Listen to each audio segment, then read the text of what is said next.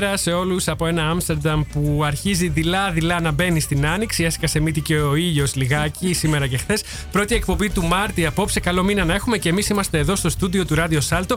Ε, παρά τους ιούς και τις γρήπες για να σας κρατήσουμε συντροφιά. Εσείς πάλι όπου και αν βρίσκεστε, ακούτε ασφαλώς Ελασπίντακα στη μόνη ελληνική εκπομπή στα Ολλανδικά FM ζωντανά όπως κάθε 5η 9 με 10 το βράδυ. Στο μικρόφωνο του Ράδιο Σάλτο ο Νίκος Κουλούσιος και η. Ε, δικαιωρή, καλησπέρα.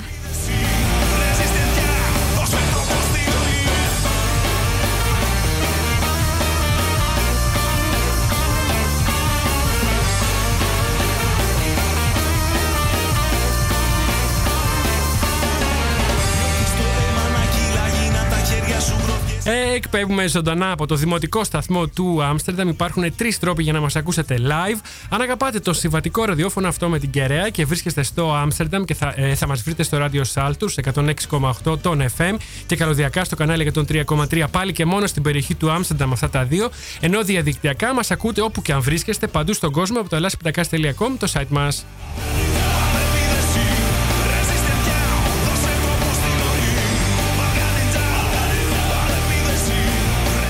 Απόψε στο Ελασπίνακα έχουμε Νατάσα Αποφίλιο, αποκλειστική συνέντευξη, μέρος δεύτερο. Και θα κάνουμε και το διαγωνισμό μας για τις προσκλήσεις που θα δώσουμε για τη συναυλία. Λίγες μέρες απομένουν μέχρι τη, τη, Δευτέρα, 9 του Μάρτη, όπου η Νατάσα Αποφίλιο, ο Θέμης Καραμουρατίδης και ο Γεράσιμος Ευαγγελάτος θα βρίσκονται στο Μέλκφεχ με την παράσταση Monologue. Μέχρι τότε ακούμε Νατάσα Αποφίλιο σε ηχογραφημένη συνομιλία. Και σε αυτό το δεύτερο μέρος που θα ακούσουμε απόψε, τη ρωτήσαμε για το Θεό και την πίστη, για την ξένη μουσική και τους καλλιτέχνες που ακούει για το χρήμα, για τα ψώνια, ψώνια που κάνουμε, ψώνια που κάνει και τον χρονικό προσανατολισμό των τραγουδιών που ερμηνεύει. Κλείσαμε με ένα μήνυμα της Νατάσας Μποφίλιου που μιλά για μικρές καθημερινές πράξεις αντίστασης. Απολαύστε, απολαύστε ελεύθερα Νατάσα Μποφίλιου σε μια αποκλειστική συνέντευξη κουβέντα που εξασφάλιζε για εσάς το Ελλάς Πιτακάς.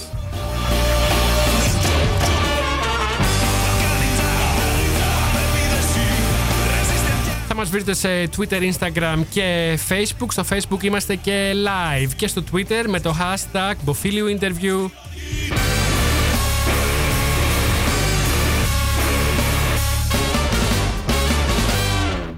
Λευκή μου τύχη και λευκή ζωή μου Γιατί τα βράδια κρύβεστε στον κρίζο Βλέπω στο άσπρο σας την προβολή μου Και το μετά από το μετά γνωρίζω αν είχα θάρρος για να πω το έλα Τώρα δεν θα είχα τη φωτιά στο αίμα. Αν είχε χρώμα θα ήταν άσπρη τρέλα Αν είχε σώμα θα ήταν πάλι ψέμα. Κοίτα τα χέρια πως γυρνούν στον τοίχο Σαν να χορεύουνε με τη σιωπή μου. Κι εγώ που χρόνια γύρευα το στίχο Που θα εξηγήσει τη βουβή ζωή μου Μεταμφιέζω τη σιωπή σε λέξη Και τη χαρίζω σ' όποιον με εξηγήσει Να έχει το μέλλον μου να επιλέξει Ποιο παρελθόν μου θα ξαναγυρίσει.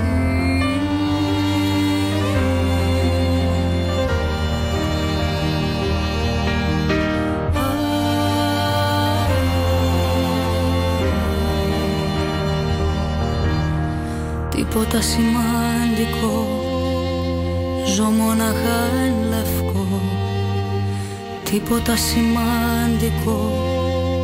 Ζω μοναχά εν λευκό. Λευκή μου τύχη και λευκή ζωή μου. Καλά τα λένε οι εγχρωμοί μου φίλοι. Το πρόβλημά μου η υπερβολή μου. Κι ό,τι αργεί η απάντηση να στείλει. Αν είχε θάρρος να φανεί ο λόγος. Τώρα δεν θα ήταν φωτιά στο αίμα. Αν είχε χρώμα θα ήταν άσπρο φόβος Αν είχε σώμα θα ήταν σαν και εμένα. Αν σ' αγαπούν να μάθουν να το λένε. Κι αν δεν στο που να μάθεις να το κλέβεις. Κι αν θες να δεις τα αληθινά να καίνε. Πρέπει στο ύψος της φωτιάς να ανέβεις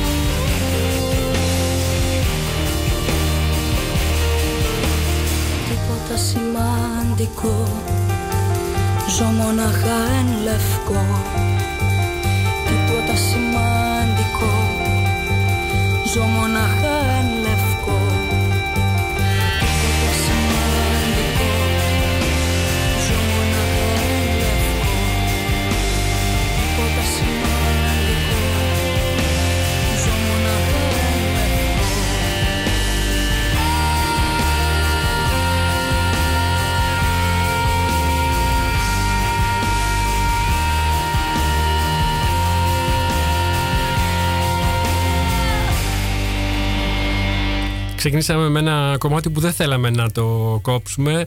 Πρέπει να ακούγεται ολόκληρο νομίζω. Έχει και μια κλιμάκωση.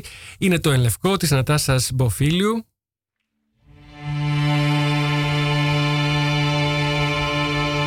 Φτάσαμε στην Αλεξάνδρας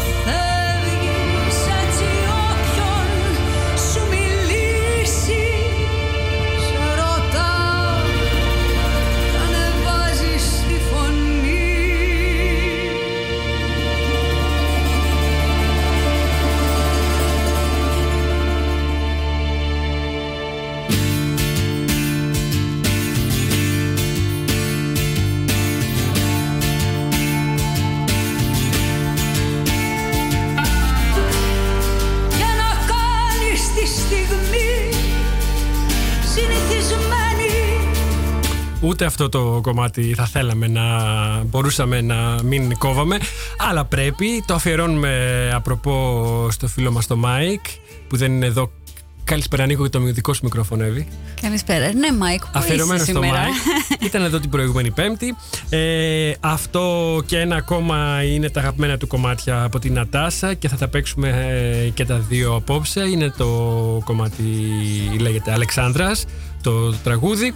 Λοιπόν, να στείλω καταρχήν χαιρετίσματα στον Καναδά. Hi from Amsterdam to Canada, to all our friends over at agapigreekradio.com και εδώ στους φίλους μας από το Facebook, στην Εύη Φούνστερ, στη Σοφία Καρκαβίτσα, στη Λεωτίν Κλάιμπρινγκ, στον Τάκη Λαμπρακάκη, στη Μισέλε Ρούβεν, Hi, Mitch! στον Δημήτρη Λούμπακ, στον, Όλι, στον Λόνι Ντάμ, το φίλο μας το ράπερ, που ήταν και εδώ στην εκπομπή, στη Μαριάννα που ακούει από το Βελιγράδι, στην Τίνα Ρούση, στην Τάνια Θεοδόρου, χαιρετίσματα στον Πασχάλη, στον Στέφανο και φυσικά στον Νικοδούλο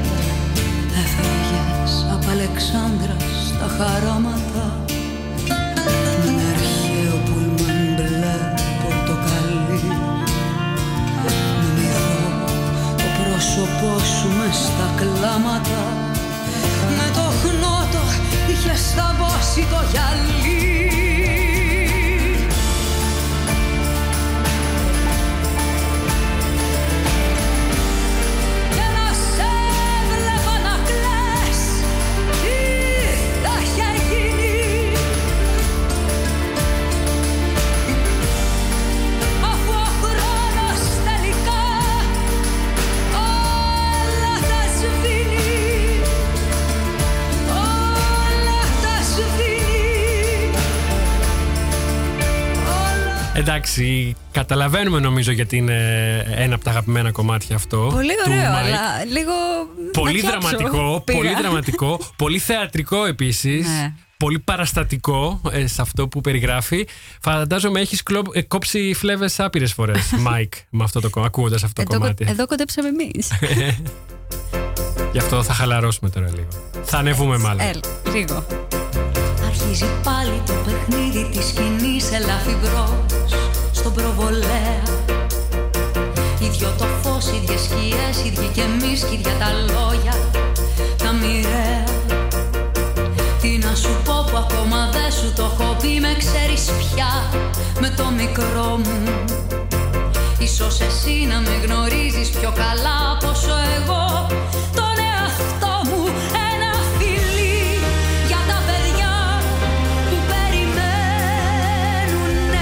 Λοιπόν, 9 Μαρτίου, Νατάσα Αποφίλιου στο Μέλκφεχ. Τα εισιτήρια λιγοστεύουν και δεν έχουμε αρκετές προσκλήσεις για όλους, δυστυχώς.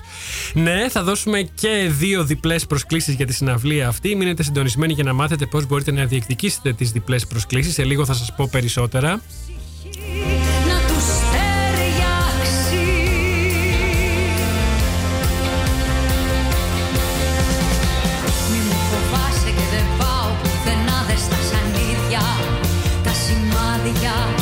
Αλλά τα μουσικά δρόμενα δεν σταματούν εδώ. Στις 28 Μαρτίου έρχεται ο Αντώνης Μαρτσάκης για πρώτη φορά στην Ολλανδία για ένα ξεχωριστό κριτικό γλέντι, μια υπέροχη βραδιά με άφθονη Ιρακή, με ζέδες και φυσικά τον Αντώνη Μαρτσάκη live με το συγκρότημά του. Κλείστε τα εισιτήριά σας τώρα online. Μπείτε στη σελίδα της ελληνικής κοινότητας στο Facebook για αυτό. Επίσης, 18 Απριλίου Villages of Ioannina City Live in Rotterdam στο Podium Grounds. 8 Μαΐου ο Γιάννης Κότσιρας εδώ στο Άμστερνταμ, στο Μέλκφεχ και μάθαμε ότι και ο Μιχάλης Χατζηγιάννης έρχεται το Μάιο στο Μέλκφεχ αν δεν κάνω λάθος.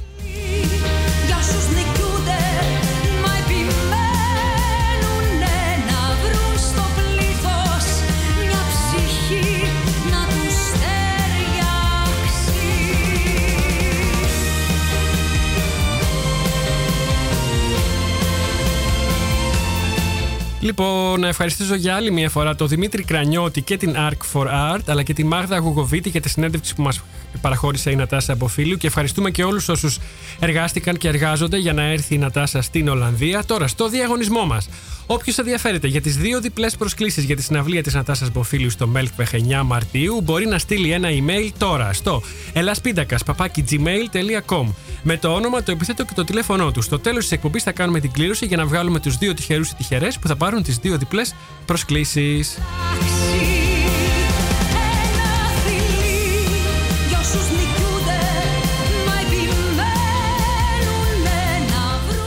Τώρα, για τη συνέντευξη θα ακούσουμε το δεύτερο μέρος της, τρία μικρά αποσπάσματα, τα δύο πολύ μικρά, το τρίτο λίγο μεγαλύτερο. Και σε αυτό το δεύτερο μέρος μας αποκαλύπτει ε, σε τι πιστεύει η Νατάσα, Απαντώντας στην ερώτηση αν η Ελλάδα είναι θεοκρατούμενη χώρα, τη ρωτάω αν έχει ενοχικές απολαύσεις, αυτά που λέμε στα αγγλικά guilty pleasures, όσο αφορά τα μουσικά της γούστα, και απαντά αποκαλύπτοντάς μας ποιας μεγάλης τραγουδίστριας της ξένης pop θα ερμηνεύσει κομμάτι στην παράστασή της τη Δευτέρα στο Μέλκβεχ. Μας περιγράφει πώς ψωνίζει, με ποια κριτήρια και με τι σκοπό. Και κλείνουμε με ένα ηχηρό μήνυμα της Νατάσα που μας παροτρύνει σε μικρές καθημερινές πράξεις ανθρωπισμού και αλληλεγγύης.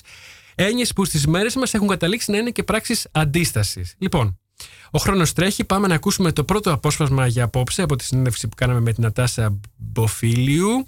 Ε, κρατάει μόλις 6 λεπτά. Νατάσα Μποφίλιου αποκλειστικά στο Ελλάς Πίνακας.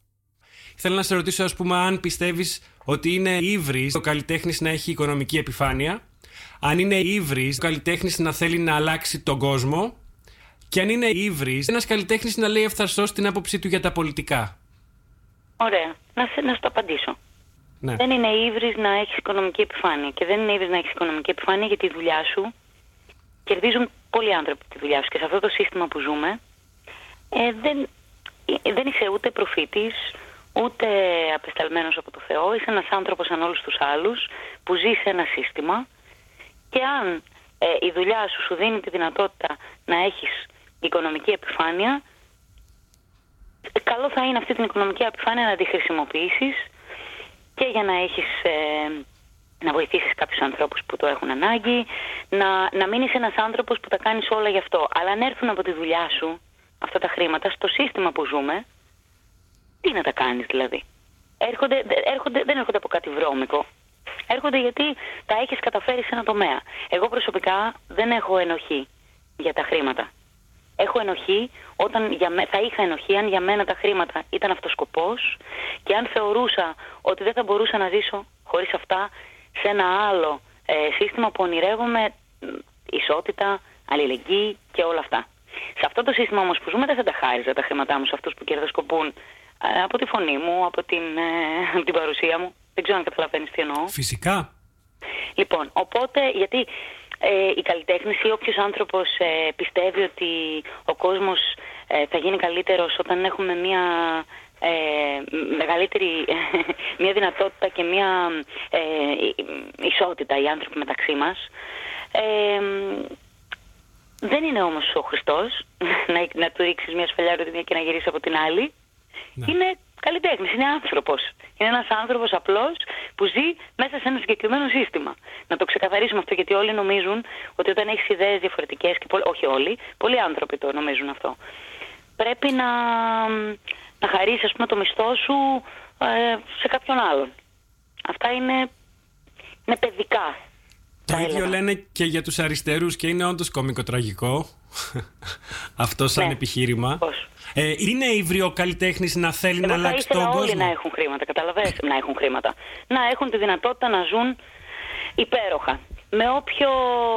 Με, από όπου και αν προέρχονται, με όποιες δυνατότητες και αν έχουν. Αυτό είναι το, το, το όνειρό μου. Ναι. Είναι ύβρι ένας καλλιτέχνης να θέλει να αλλάξει τον κόσμο; Είναι υποχρέωση. Ναι, αλλά τον George Clooney και τον Bono... Είναι να έχουμε αυτή την επιθυμία. Τον George Clooney και τον Bono. Γιατί είμαστε, ζούμε μαζί με άλλους ανθρώπους. Ήθελα να, να σε προβοκάρω λίγο. Τον George Clooney και τον Bono από τους YouTube τους έχουν ξεσκίσει ο κόσμος και από τα δεξιά και από τα αριστερά. Γιατί δεν το γνωρίζω, συγγνώμη. Ε, γιατί λένε ότι κάνουν φιλανθρωπίες και ότι στην ουσία δεν αλλάζει τίποτα. Κοίταξε να δεις, εγώ δεν πιστεύω στη φιλανθρωπία, πιστεύω στην αλληλεγγύη. Ναι. Δηλαδή, ε, είναι τελείως διαφορετικό να βοηθάς έναν άνθρωπο από θέση ισχύως και είναι τελείως διαφορετικό να βοηθάς έναν άνθρωπο γιατί πιστεύεις ότι όλοι μας αυτό πρέπει να κάνουμε ο ένας με τον άλλον. Καταλαβαίνεις υπάρχει μια διαφορά. Είναι άλλο να βοηθάω εγώ κάποιον γιατί ε, νιώθω ότι είμαι προνομιούχος και έχω τύψεις γι' αυτό και είναι άλλο να βοηθάω έναν άνθρωπο γιατί νιώθω ότι όλοι πρέπει να έχουμε τη δυνατότητα και την πρόσβαση ε, σε κάτι καλύτερο για τη ζωή μας. Αυτή είναι η διαφορά της αλληλεγγύης και της ε, φιλανθρωπίας. Ο Τζο Κλούνε δεν πιστεύει ότι θα φτάσει. Παράδειγμα, δεν, δεν, δεν, ξέρω για τον άνθρωπο, δεν τον αναφέρω. Αλλά ένας άνθρωπος που κάνει φιλανθρωπία δεν πιστεύει ότι θα μπορεί να βρεθεί στη θέση του ανθρώπου που, που βοηθά. Ενώ ο άνθρωπος που είναι αλληλέγγυος πιστεύει ότι είναι ίδιοι. Απλά τυχαίνει αυτή τη στιγμή να είναι σε μια καλύτερη μοίρα. Οπότε προσπαθεί με αλληλέγγυο τρόπο να είναι όλοι οι άνθρωποι σε μια καλύτερη μοίρα. Αυτό είναι μεγάλη διαφορά. Δεν ξέρω ο Μπόνο και ο Τζορτ Κλούνεϊ με τι πρόθεση το κάνουν. Γι' αυτό και δεν μπορώ να πάρω θέση. Αλλά κατά τη γνώμη μου είναι πολύ καλύτερο να βοηθάς παρά να απαξιώνεις. Ακόμη και αν τα κίνητρά σου δεν είναι τα ιδανικά αυτά που, που θεωρούμε κάποιοι άνθρωποι ότι θα ήταν ιδανικό να προσφέρεις βοήθεια. Και θα σε ρωτούσα επίσης αν είναι ύβρις ένας καλλιτέχνης να λέει. Αν γίνεται ας πούμε για φορολογικούς λόγους, γιατί αυτό γίνεται συνήθως. Ναι, μωρέ. Ναι, ναι, και αυτό δεν το κάνουν γι' αυτό τα παιδιά. Και όχι τα παιδιά.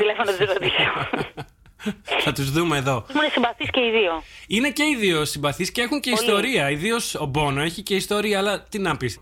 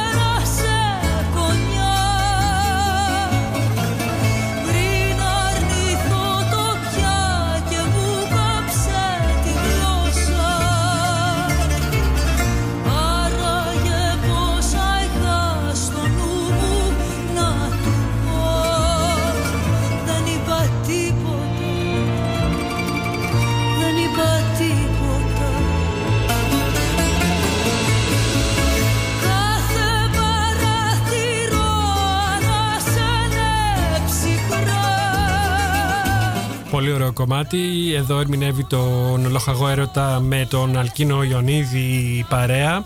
Ε, είναι επίσης ε, ένα από τα αγαπημένα κομμάτια του Μάικ αυτό του. Το αφιερώνουμε και αυτό. Δεν ξέρω αν μας ακούει.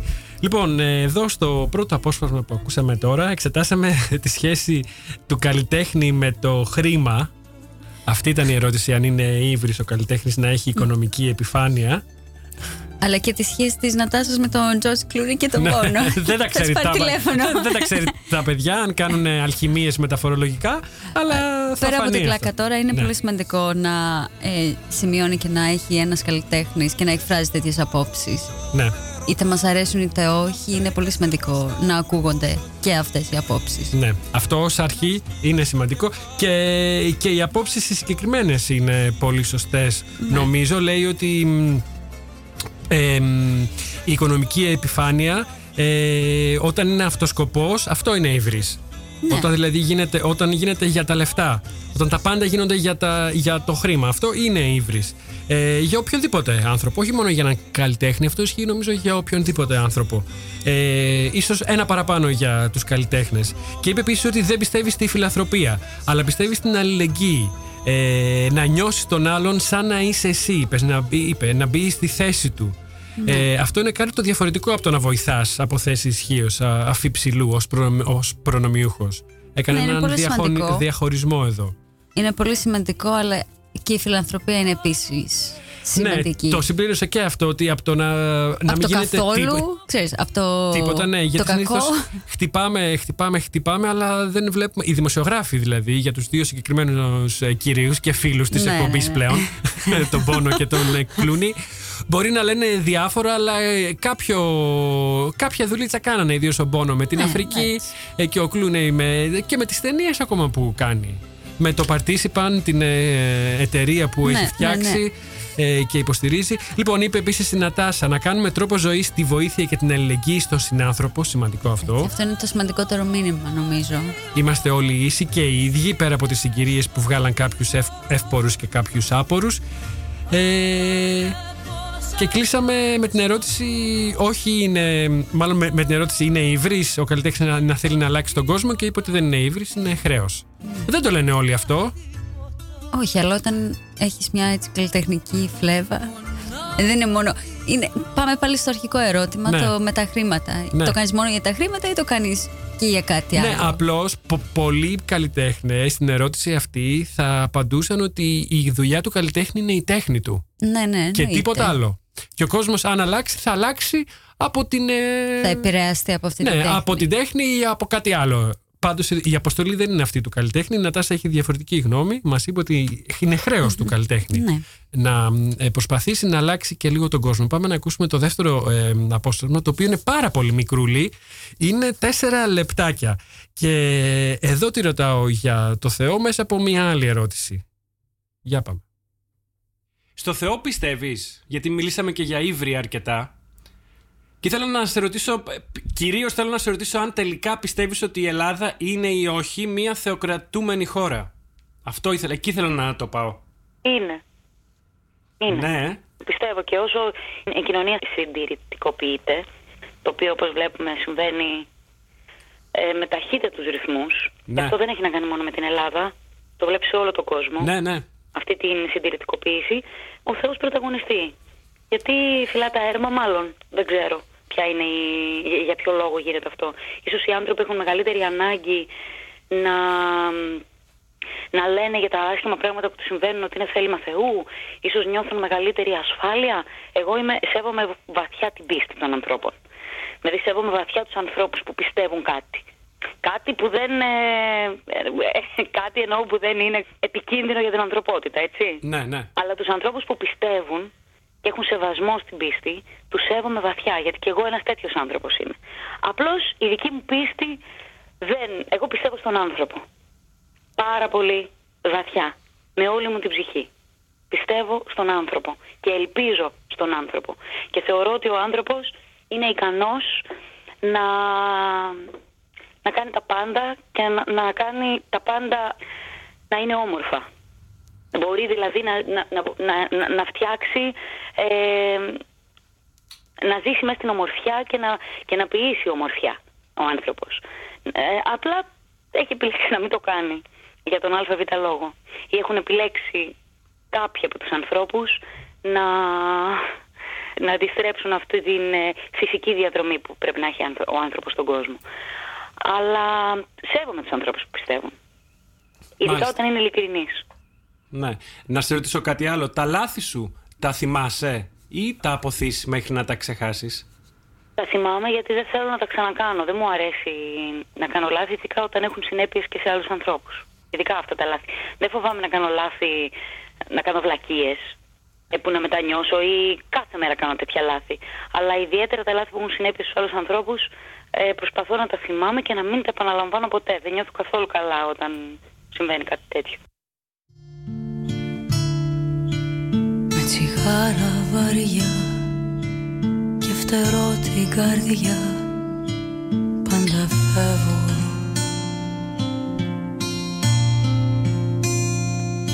Σαν μεγάλο παιδί που τα πάντα έχει δει λες κι είναι έργο.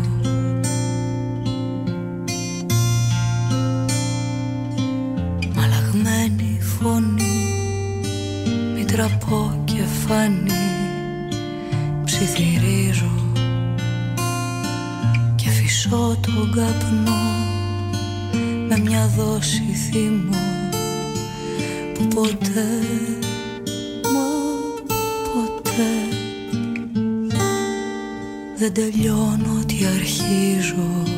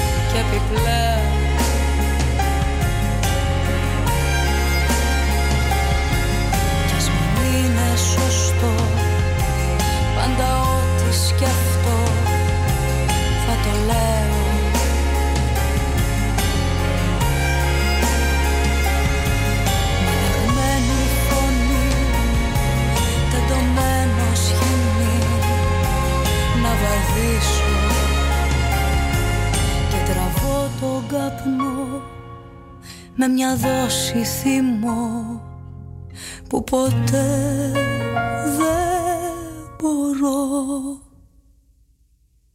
Όσα θέλω να αρχίσω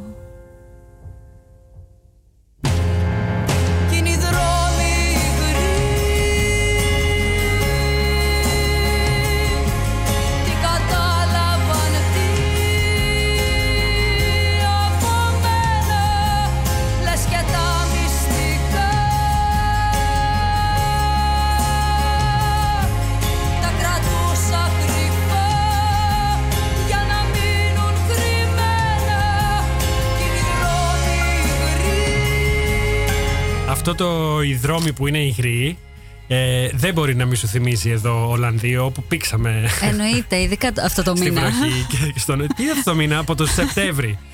Εντάξει, ο Φεβρουάριος όμως ήταν. Είχαμε μια ναι, μέρα με ήλιο ναι, ναι, ναι, ναι. Είχαμε χθες και σήμερα λίγο ήλιο και πήραμε λίγο τα, τα πάνω μας και μετά έριξε μία βροχή. Τι να πεις. Άρα, Νατάσα, που είσαι να μας τραγουδήσεις και είναι η δρόμη ναι. υγρή, τι κατάλαβαν τι. Από μένα λοιπόν. Ε, και τα τσιγάρα βαριά επίσης εδώ δεν ξέρω με το κολλάει λίγο με το κλίμα της, της χώρας αυτής. Ε, λοιπόν, Θεός και πίστη ε, και η Ελλάδα ως θεοκρατούμενη, ε, ε, θεοκρατικούμενη, ναι, θεοκρατούμενη χώρα.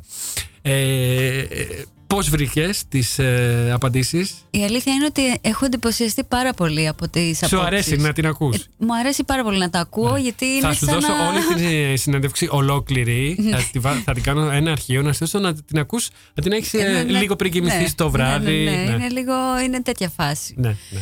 Ε, αλλά είναι πολύ σημαντικό να ακούγονται. Σου είπα και πριν αυτές οι απόψεις. Και είναι. Όντως, έχει δίκιο όταν λέει ότι η Ελλάδα είναι θεοκρατούμενη χώρα. Και έχει δίκιο. Επίσης, αυτό που μου έκανε εντύπωση είναι που λέει ότι ο κόσμος γίνεται λίγο πιο συντηρητικός. Κάτι που είπαμε και την προηγούμενη φορά. Το είπαμε, το είπαμε. Εγώ το, λέω εδώ και χρόνια.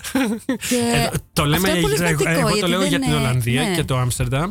Και το βλέπουμε και παντού φυσικά, από άκρη σ' άκρη mm. της γης και, ε, ε, και στην Ελλάδα ε, τα τελευταία χρόνια.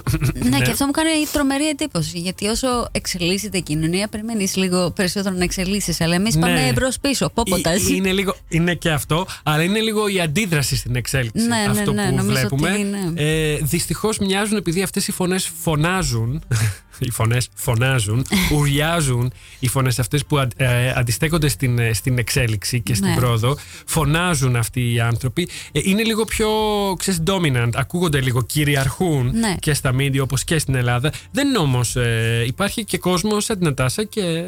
Νομίζω ότι δεν είναι η πλειοψηφία, είναι αυτό που λες, ότι ακούγονται. Δυστυχώς αυτό, ναι. αυτό ακούγονται. Λοιπόν, είπε ότι ναι, πιστεύει ότι η Ελλάδα, το είπε κατηγορηματικά, χωρίς, ναι. χωρίς να σκεφτεί ούτε δευτερόλεπτο Πιστεύει ότι η Ελλάδα είναι ακόμα μια θεοκρατούμενη χώρα και μάλιστα σχολίασε πως όσο η κοινωνία συντηρητικοποιείται, αυτό που είπες εσύ, ο Θεός πρωταγωνιστεί. Εκεί που υπάρχει στη συντήρηση υπάρχει και θρησκεία, το βλέπουμε αυτό. Ε, γιατί φυλάει τα έρμα, συμπλήρωσε, εννοώντας το φόβο που εμπνέει η θρησκεία. Ε, όχι ο Θεός, η θρησκεία. Η θρησκεία ναι. ε, μιλάει επίσης για μια ασφάλεια που παρέχει η πίστη Όπου εδώ νομίζω ότι δεν υπάρχει κανείς που δεν θα συμφωνήσει. Είναι σημαντικό να, και να, θες να πιστεύεις σε κάτι. Ναι. Και ότι σέβεται αυτούς που ε, πιστεύουν σε κάτι. Ναι. Ε, δεν παρέλειψε ωστόσο να προσθέσει ότι σέβεται την πίστη των ανθρώπων, όπως είπαμε. Ε, γιατί και αυτή ένας τέτοιος άνθρωπος είναι. Απλά η ίδια πιστεύει σε κάτι άλλο. Πιστεύει στον ναι, άνθρωπο. Ναι. Ε, δεν είναι και πολύ διαφορετικό. Άνθρωπος Θεός. Στο κάτω-κάτω ο Θεός γι' αυτό ήρθε. Ε, δεν είναι, αλλά νομίζω ότι έχουμε χάσει λίγο το, το ναι. νόημα και το. Και Τι παίζουμε και με τις λέξεις ναι. Ε, στην, στην ουσία. Ε, ελπίζεις στον άνθρωπο, είπε επίσης. Όχι μόνο πιστεύεις στον άνθρωπο, ελπίζει και στον άνθρωπο, που και αυτό είναι δυνατή κουβέντα. Ε, και επειδή είναι άνθρωπος που. και επειδή άνθρωπος μάλλον σημαίνει λάθη, είμαστε τα λάθη μας στην ουσία. Στην αντίστοιχη ερώτηση απάντησε πως η ίδια θυμάται τα λάθη που έχει κάνει στη ζωή της, γιατί δεν θέλει να τα ξανακάνει. Ιδίως λάθη που έχουν συνέπειε σε άλλους. Και αυτό ωραίο. Είναι σημαντικό να μην θέλεις να πληγώνεις τους άλλου ανθρώπους και να προσπαθείς να βελτιώσεις τον εαυτό σου. Γι' αυτό το λόγο. Και είναι ε, Συμφωνώ και το... πάρα πολύ με πολλά ναι, πράγματα που λέει. Το ήξερα ότι θα συμφωνήσεις. ε, και είναι και το δισεξαμαρτίν που λέγανε ναι, οι αρχαίοι. Ουκ γυναικός σοφής στη συγκεκριμένη ε, περίπτωση. Και τώρα πάμε να ακούσουμε το τελευταίο μέρος. Ε, Τι ρώτησες εδώ, εδώ, εδώ έχει πολλά ομπαξέ. Από όλα έχει ομπαξέ oh. που λέγανε και στο χωριό μου. Τη ρωτάω λίγο για τα μουσικά, γιατί τα αφήσαμε λίγο.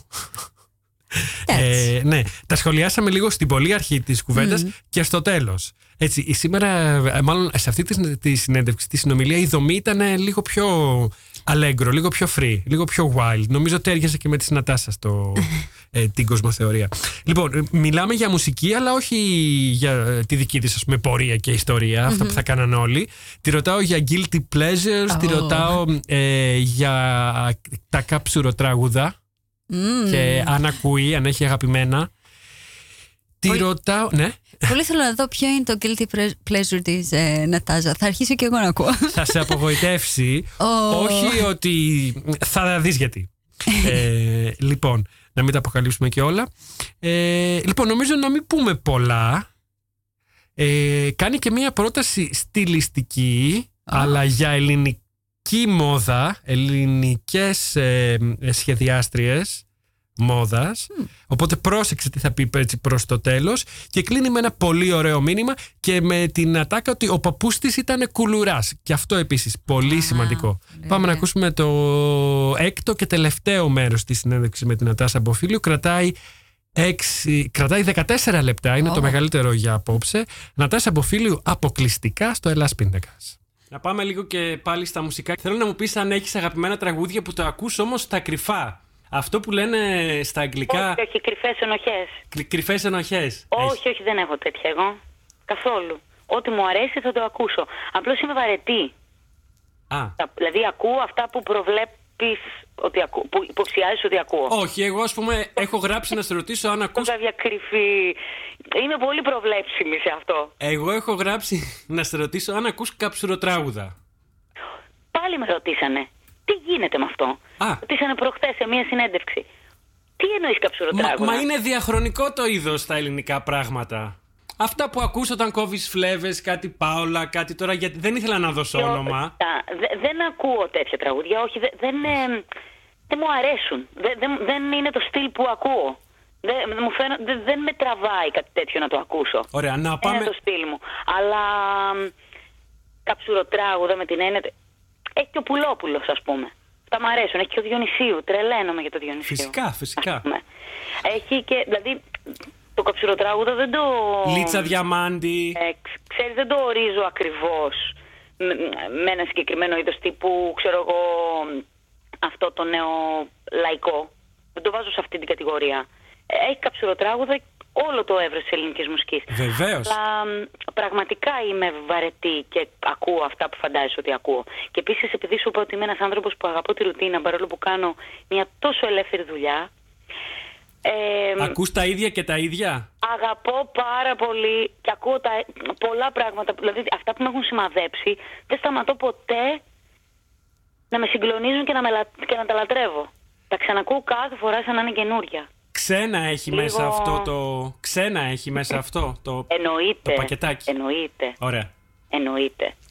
Πάρα πολύ. Ξέρεις τι μου αρέσει πολύ; Μ' αρέσει πάρα πολύ. Μ' αρέσει η ξένη pop. Πολύ. Θα τα βρούμε εδώ πότε. Ε, ε, η hip hop R&B pop μου αρέσει πάρα πολύ. Τώρα έκανα φοβερό, πώς το λένε, φοβερή διατύπωση. Ναι. Δηλαδή μ' αρέσει, η Ριάννα μ' αρέσει, μ' αρέσει η Beyoncé, μ' αρέσει ο Drake, μ' αρέσει αυτή η σκηνή. Τη γουστάρω. Έχεις τολμήσει να κάνεις κάτι. Γιατί μου αρέσει πολύ ο χορός. Στη σκηνή έχεις τολμήσει να πεις ένα κομμάτι από τα δικά τους. Στη ναι, σκηνή; Ε, έλεγα Ριάννα πέρυσι. Εγώ δεν σε έχω δει καθόλου. Θα με δεις το Άμστερνταμ όμως. Ωραία. Γιατί το λέμε. Αυτή η σκηνή μου αρέσει πολύ. Και μου αρέσει νομίζω και γιατί μου αρέσει ο χορός και γιατί μου αρέσει πάρα πολύ η μόδα. Ξέρεις, το, μ, αρέσει, μ, αρέσουν, μ' αρέσει πάρα πολύ το show. Σαν... Αλλά ξέρεις, λατρεύω και, το, και τα show της Judy Garland. Πεθαίνω, της Barbara Streisand. Αλλά τρελαίνομαι και για το show του Robbie Williams. Τρελαίνομαι για τα show του Depeche Mode. Δηλαδή όταν βάζω show, βάζω όλη τη... Τι ωραία. Σου αρέσουν και οι παγιοί. Διάφορα στυλ. Ναι. Εγώ θέλω να σε ρωτήσω πριν, μιας που το ανέφερες τώρα, γιατί έχει και ένα θέμα αισθητικής.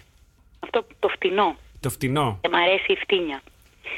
Αυτό είναι που δεν ε, μου αρέσει σε όλα τα είδη της Είναι μεγάλη η κουβέντα αυτή και είναι και κουβέντα προσωπικού γούστου. Εγώ θέλω να σε ρωτήσω αν ε, κάνεις shopping και αν είσαι λειτουργική όταν ψωνίζεις ή αν αγοράζεις αυτό που μόνο ζητάει η καρδιά σου.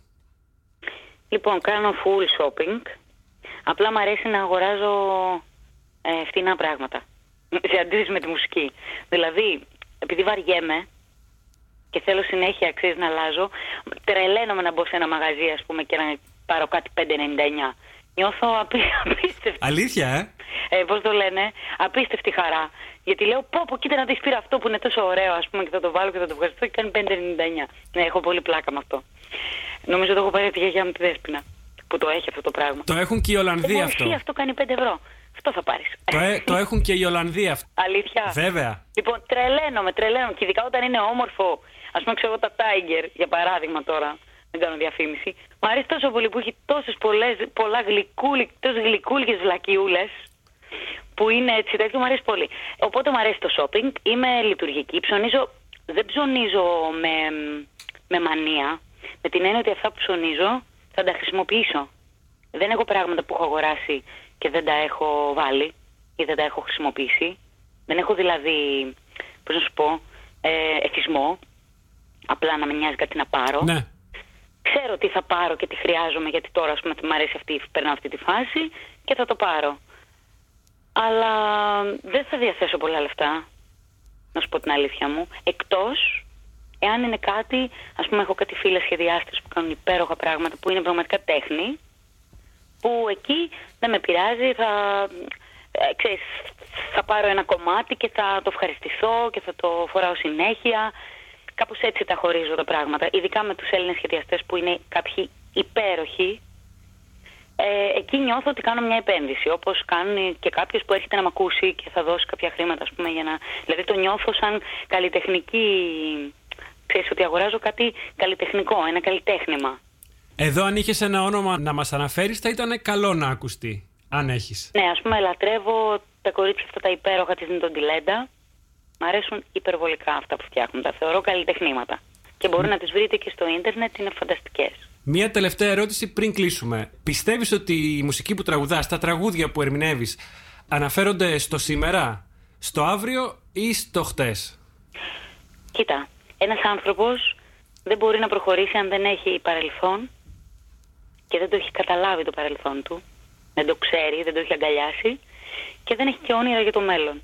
Νομίζω τα τραγούδια μας αυτό αποτυπώνουν. Αποτυπώνουν έναν άνθρωπο, προσπαθούν μάλλον να αποτυπώσουν έναν άνθρωπο που έχει παρελθόν, έχει ρίζα, έχει ζωή, έχει αναφορές, πορεύεται με αυτές και έχει ανοιχτό παράθυρο και όνειρα για το μέλλον. Ε, αντιστέκεται, ονειρεύεται και προσπαθεί. Αυτό τον άνθρωπο νομίζω ότι αποτυπώνουν τα τραγούδια. Σε αυτόν τον άνθρωπο ε, απευθύνονται. Γιατί είτε είναι ένα ερωτικό τραγούδι, είτε είναι ένα, είναι ένα κοινωνικό τραγούδι.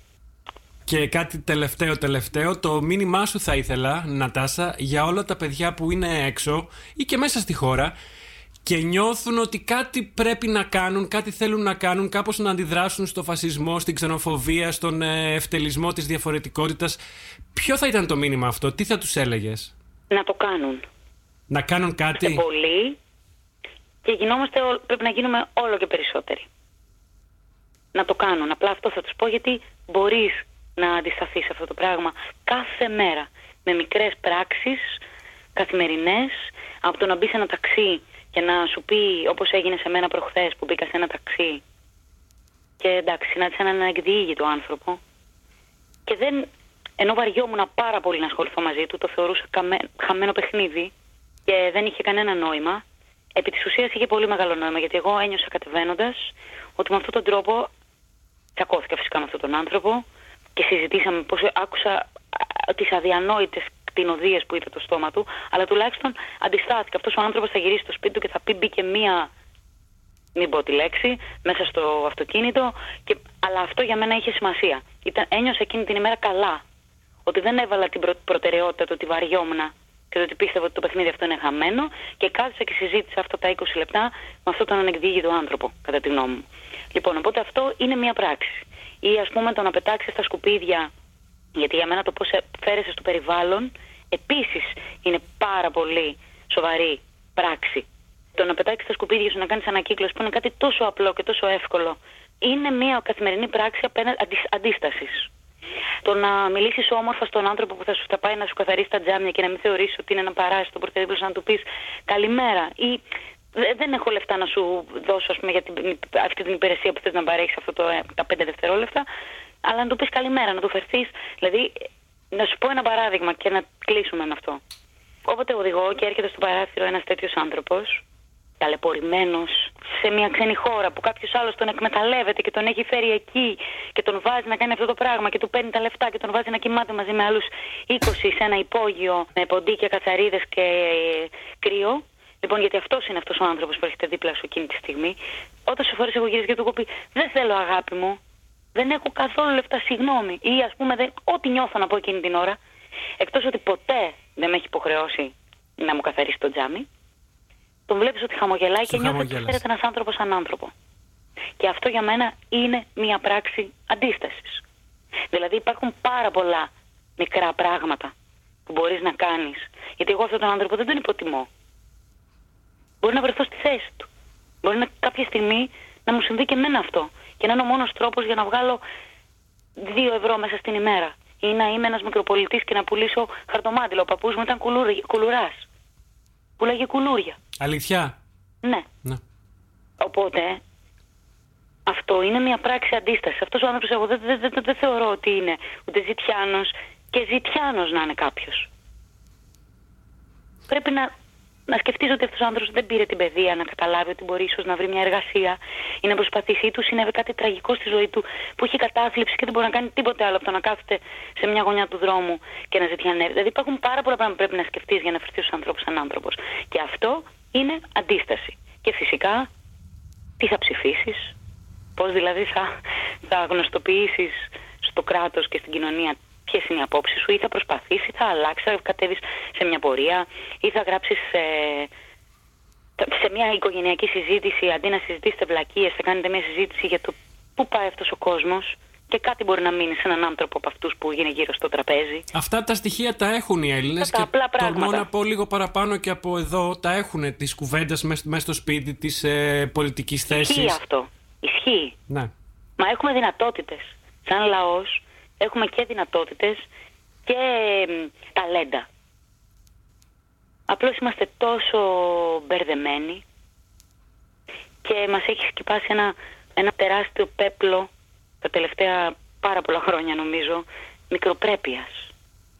Γιατί είναι μεγάλη μικροπρέπεια να, να σκέφτεσαι μόνο τον εαυτό σου η οικογένειά σου να είναι καλά και πώς θα μπορέσεις να βγάλεις κάτι παραπάνω και γιατί εγώ ας πούμε να συνδικαλιστώ με τους άλλους εργάτες αφού εγώ μπορώ να αυτό. Αυτό είναι πέραν από το ανθρωπιστικό του πράγματος είναι και βαθιά μικροπρέπεια. Και ιδιοτέλεια και τα μικροπρέπεια. Λίγα, τα μικρά. Αυτό έχει ιδιοτέλεια. Είναι κούτσικη. Ναι. Μηδαμινή. Είπε σε μία συνέντευξή σου και εγώ θα κλείσω έτσι. Αν δεν ξέρω αν εσύ θέλεις κάτι άλλο να προσθέσεις. Συμβούλευσες το κοινό να έχει ακαιρεότητα, υψωμένο ανάστημα και ισχυρό φρόνημα. Ναι, το, το Αυτά συνεχίζουν, γιατί, έτσι. Που είχαν έρθει στην πρώτη συναυλία, γιατί είχαμε ζήσει αυτά τα γνωστά που ζούμε εδώ πέρα. Κάτι, είχε γίνει κάτι εκείνη την ημέρα. και σκεφτόμουν εκείνη την ώρα που το έλεγα, τι, τι μπορείς να ευχηθείς στους ανθρώπους; Είχαν μαζευτεί 2.500 άνθρωποι εκεί μπροστά μου. Και σκεφτόμουν ότι δεν μπορείς να μου τους δώσεις μια ευχή. Γιατί μαζί με τις ευχαριστίες μου που τους ευχαριστούσα για όλα αυτά που κάναν, που ήρθαν μέχρι εκεί, που, που περάσαμε αυτή τη συγκλονιστική βραδιά, σκεφτόμουν ότι πρέπει να κλείσουμε με μια ευχή. Και η μόνη ευχή που μου, μου βγήκε είναι αυτό, δεν ήταν συμβουλή. Ήταν ευχή. Εγώ το πήρα έτσι. δύσκολες μέρες που το βλέπεις και από τη συνέντευξη που μου, που μου έκανες καταλαβαίνω ότι το βλέπεις και το νιώθεις κι εσύ. Ναι, εγώ το πήρα γιατί έτσι μου άρεσε και με βόλευε εδώ στα, στα δικά μας, το πώς ζούμε εδώ την Ελλάδα. Ε, ευχαριστώ πολύ η Νατάσα για την όμορφη... να σε γνωρίσω.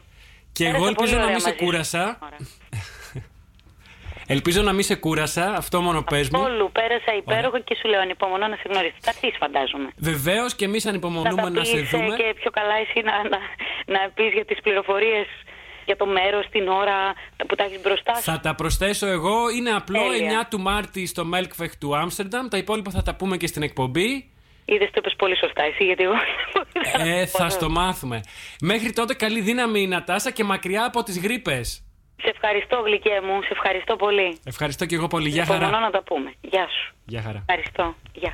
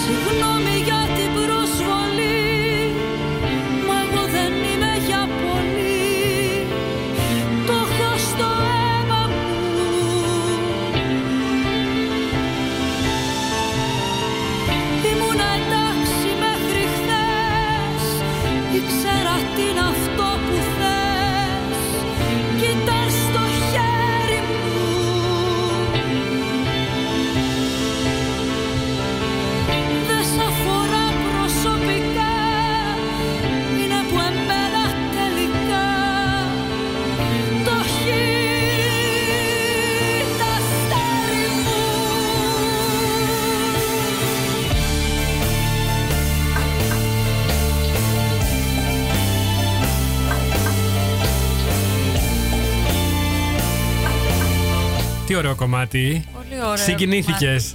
Πολύ συγκινητικό. Δεν ξέρω σήμερα η εκπομπή είναι λίγο. Και η στίχη είναι κεντυμένοι ένας προς έναν. Ναι. Λοιπόν, back to music σε αυτό το τελευταίο μέρος και guilty pleasures. Ε, η ίδια λέει ότι είναι βαρετή και προβλέψιμη σε αυτά που ακούει. Της αρέσει να ακούει ξανά και ξανά τα τραγούδια που αγαπά. Αυτό νομίζω ισχύει. Για όλους, νομίζω αυτό. Πάνω κάτω για όλους. Δεν ναι. περίμενα όμως ότι ακούει Drake. Για ναι, είδε. Εγώ έψαξα να βρω για να ακούσει. Ε, το ήξερα σαν όνομα, αλλά δεν, δεν μπορώ να θυμηθώ ένα κομμάτι του τώρα, πούμε, ναι. λέω για να το αναφέρει να τάσα. Και έψαξα να βρω ποια είναι τα hit του Drake. Έκανα, ναι. I looked him up, τον, ε, τον Googler που λέμε και στα ελληνικά. ε, για τα κάψουροτράγουδα μας είπε ότι δεν ακούει κάψουροτράγουδα του Συρμού, αλλά ακούει Διονυσίου και Πουλόπουλο, αν μερακλώσει, αν καψουρευτεί. Ναι. Ε, την καταλαβαίνουμε απόλυτα. Ε, αγαπά τη ρουτίνα. Όταν συμβαίνει αυτό. ναι, ναι, ναι. Φυσικά, φυσικά. Αγαπά τη ρουτίνα, μας είπε παρόλο που κάνει μια ελεύθερη δουλειά. Από ξένα ακούει Ριάννα Beyoncé, Drake το είπαμε, hip hop και RB. Είδες; Καθόλου δεν το περιμένω ούτε αυτό. Mm. Έκπληξη. Και θα πει και Ριάννα, παρακαλώ πολύ. Ποιο κομμάτι δεν την πίεσα να μας πει, δεν, ε, δεν, δεν τη ρώτησα μάλλον καν. Ναι. Επίσης της αρέσει ο χορός, η μόδα, το καλό θέαμα. Λατρεύει τα σοου της αξέχαστη Judy Garland. Mm. Ε, Barbara Streisand. Την επίσης. αγαπάμε, Barbara Streisand ναι. επίσης αγαπάμε. Αλλά και τα σοου του Robbie Williams και Deepest Mode. Δηλαδή και λίγο pop και λίγο πιο και δυνατό, λίγο, πιο new wave, λίγο. Μπράβο, yeah, μπράβο, yeah. Νατάσα. Ε, δεν της αρέσει ε, η φτηνή μουσική και το φτηνό θέαμα. Της αρέσει όμως το φτηνό shopping. Δηλαδή οι ευκαιρίες. Γιατί όχι; Ε, στα ψώνια αλλάζει το πράγμα. ναι. Ε, τη αρέσουν οι ευκαιρίες, κάνει full shopping, τη αρέσει να αγοράζει φτηνά πράγματα και μικρά γιατί βαριέται. Οπότε βρήκε αυτόν τον τρόπο για να έχει να συναλλάζει, ναι. που λέμε. Ε, να έχει να συναλλάζει. Τρελαίνεται να αγοράζει γλυκού, ε, γλυκούλικες βλακιούλες. Ε, κάνει μια εξαίρεση και χαλάει λεφτά σε κάτι το ιδιαίτερο. Για παράδειγμα, μας ανέφερε τις φίλες της, τις σχεδιάστερε, τις Ελληνίδες της mm. ε, Need of Το αναφέρουμε και εμείς. Ε, τι άλλο, τι άλλο; Ε, σημείωσε κάτι εσύ που σου έκανε ναι, εντύπωση. Ναι, σημείωσα. Ναι. Λοιπόν, ε, είπε κάτι για το παρελθόν, ότι είναι πολύ σημαντικό να το αποδέχεσαι ναι. και να έχεις όνειρα για το μέλλον. Μόνο έτσι θα πας μπροστά. Και καταλαβαίνω, τώρα που άκουσα όλη τη συνέντευξη, καταλαβαίνω ότι πολλές από τις απόψεις της, επειδή ήδη ανέφερε κιόλας ότι ο παππούς της ήταν κουλουράς, καταλαβαίνω ότι πολλές από τις απόψεις της έχουν διαμορφωθεί ε, και είναι άρρηκτα συνδεδεμένος με το γεγονός ότι γνωρίζει πολύ καλά και το δικό της παρελθόν και της οικογένειάς της, το σέβεται, το έχει αποδεχτεί απόλυτα και έχει εξελίξει δικές της απόψεις για το μέλλον, για το παρόν και είναι πολύ, για μένα είναι πολύ ωραίο αυτό να το ακούω. Ξέρεις. Έχει ρίζες ε, ναι. στην ουσία, έχει μια αφετηρία και την τιμά και πάνω σε αυτή έχτισε τη δική της φιλοσοφία, ε, πάτησε πάνω σε αυτό ε, και εξελίχθηκε και ως άνθρωπος. Ναι. Ε, έκλεισε λέγοντας ότι ο παππούς της ήταν κουλουράς. Ναι. Είναι σημαντικό νομίζω αυτό. Δείχνει δείχνει και αυτό κάτι. Η τελευταία τάκα ήταν ότι οι Έλληνες έχουμε και δυνατότητες και ταλέντα. Απλώς ε, τα τελευταία πάρα πολλά χρόνια μας έχει σκεπάσει ένα πέπλο μικροπρέπειας γιατί σκεφτόμαστε τον εαυτούλη μας. Τις αλήθειες δεν τις φοβάται η Νατάσα, ακόμα και αν πληγώνουν. Δεν τις ναι. φοβήθηκε ε, ποτέ, θα, θα λέγαμε εμείς. Έχουμε φτάσει στα δύο λεπτά πριν το τέλος. Wow. ναι. Ε, λοιπόν, τι ήθελα να πω τώρα εδώ. Ναι. Ε, για τις δύο διπλές προσκλήσεις για τη ναι. συναυλία της Νατάσας δεν προλαβαίνουμε να κάνουμε την κλήρωση ζωντανά, αλλά θα γίνει αμέσως μόλις τελειώσουμε και οι νικητές θα ειδοποιηθούν μέχρι, μάλλον μέχρι αύριο, ναι, από μένα. Οι υπόλοιποι μπείτε στο site του Melkfech και προμηθευτείτε από εκεί εισιτήρια για να δείτε αυτή τη μοναδική παράσταση από μια ξεχωριστή και ιδιαίτερη καλλιτέχνηδα όπως είναι η Νατάσα Αμποφίλιου με τον Θέμη Καραμουνατίδη και τον ε, Γεράσιμο Ευακελάτο. Λοιπόν, ε, φτάσαμε στο τέλος. Σε, ευχαριστώ ιδιαίτερα, Εύη, που ήρθες μέσα στη βροχή. Εγώ ευχαριστώ. Και ήσουν εδώ απόψε για να σχολιάσουμε μαζί το δεύτερο μέρος της σας. Ναι, έτσι ήταν. Κάπου εδώ σας λέμε Χούιενάχουφον και ανανεώνουμε το ραντεβού μας για την επόμενη Πέμπτη της 9 το βράδυ, όπου θα έχουμε καλεσμένο έναν φίλο από το Περού. Τον Τζανκάρλο Πατσανέσε. Είναι expat και είναι από το Περού. Είναι φίλος mm. παλιός και θα έρθει να μας πει για όλα αυτά τα ωραία που κάνει και ασχολείται. Ε, μέχρι τότε μπείτε να διαβάσετε ελάσπιντακast.com Να είστε καλά και να περνάτε ακόμα καλύτερα. Καλό Παρασκευό Σαββατοκύριακο σε όλους. Το Tfolgen care. Doei. Doei.